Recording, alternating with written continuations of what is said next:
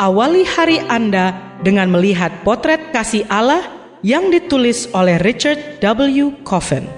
Melalui renungan pagi ini, kita akan mempelajari karakter Allah yang menuntun kita kepada kasihnya. Bersama Pendeta Andre Daimbani, selamat mendengarkan. Shalom, selamat pagi saudaraku. Renungan pagi kita hari ini 20 Juni berjudul Tawanan Perang. Ayat intinya diambil dari Daniel 1 ayat 6. Demikian firman Tuhan. Di antara mereka itu ada juga beberapa orang Yehuda, yakni Daniel, Hananya, Misael, dan Azaria. Mari kita dengarkan penjelasannya. Di kerajaan-kerajaan Mesopotamia kuno, biasa terjadi perselisihan antara satu sama lain, timbul tenggelam terus-menerus.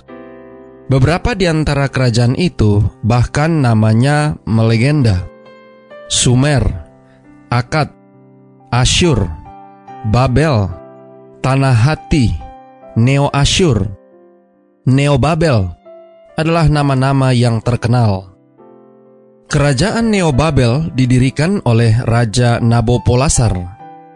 Raja Keadilan, Gembala Marduk, dikutip dari Nabopolassar Silinder, kolom 1, yang memimpin perlawanan terhadap Asyur.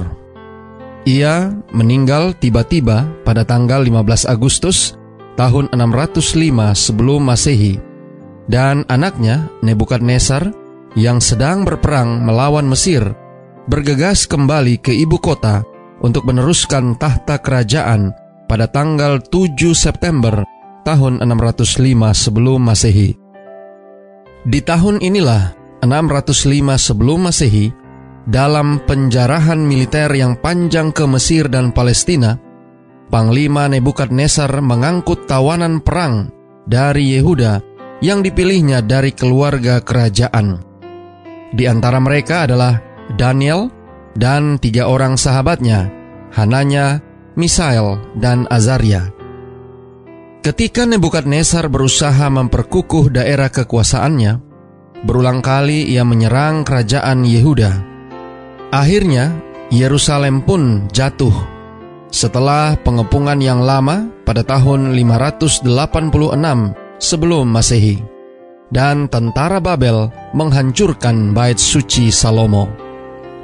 Daniel menghabiskan sisa hidupnya di Babel selama lebih dari 65 tahun.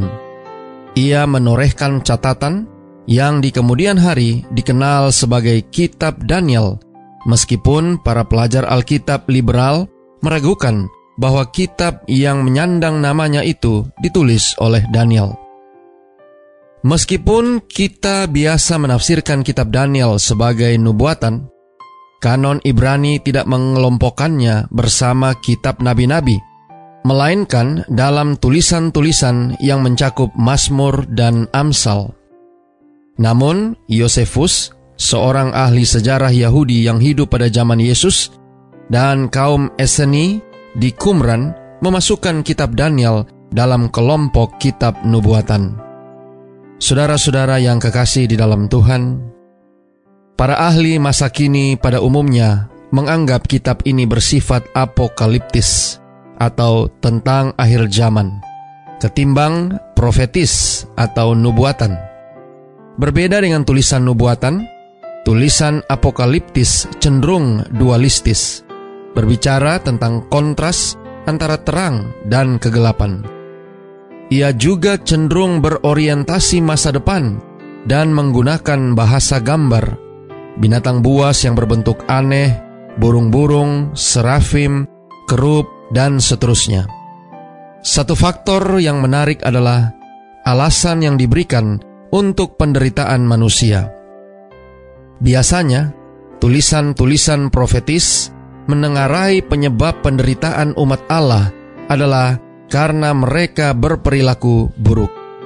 Tetapi di dalam tulisan apokaliptis, umat Allah menderita karena mereka berperilaku baik. Pada akhirnya, umat Allah yang setia namun menderita akan dibenarkan. Doa kita hari ini.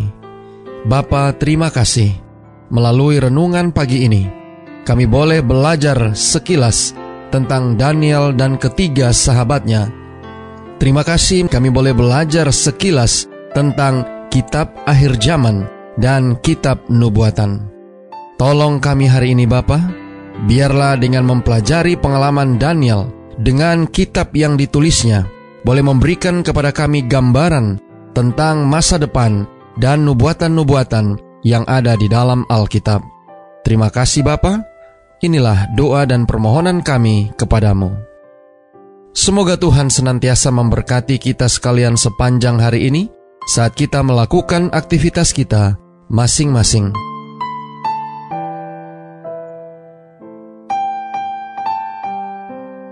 Demikianlah tadi pembahasan tentang potret kasih Allah. Semoga firman Tuhan hari ini dapat menjadi berkat bagi Anda. Sampai jumpa, Tuhan memberkati.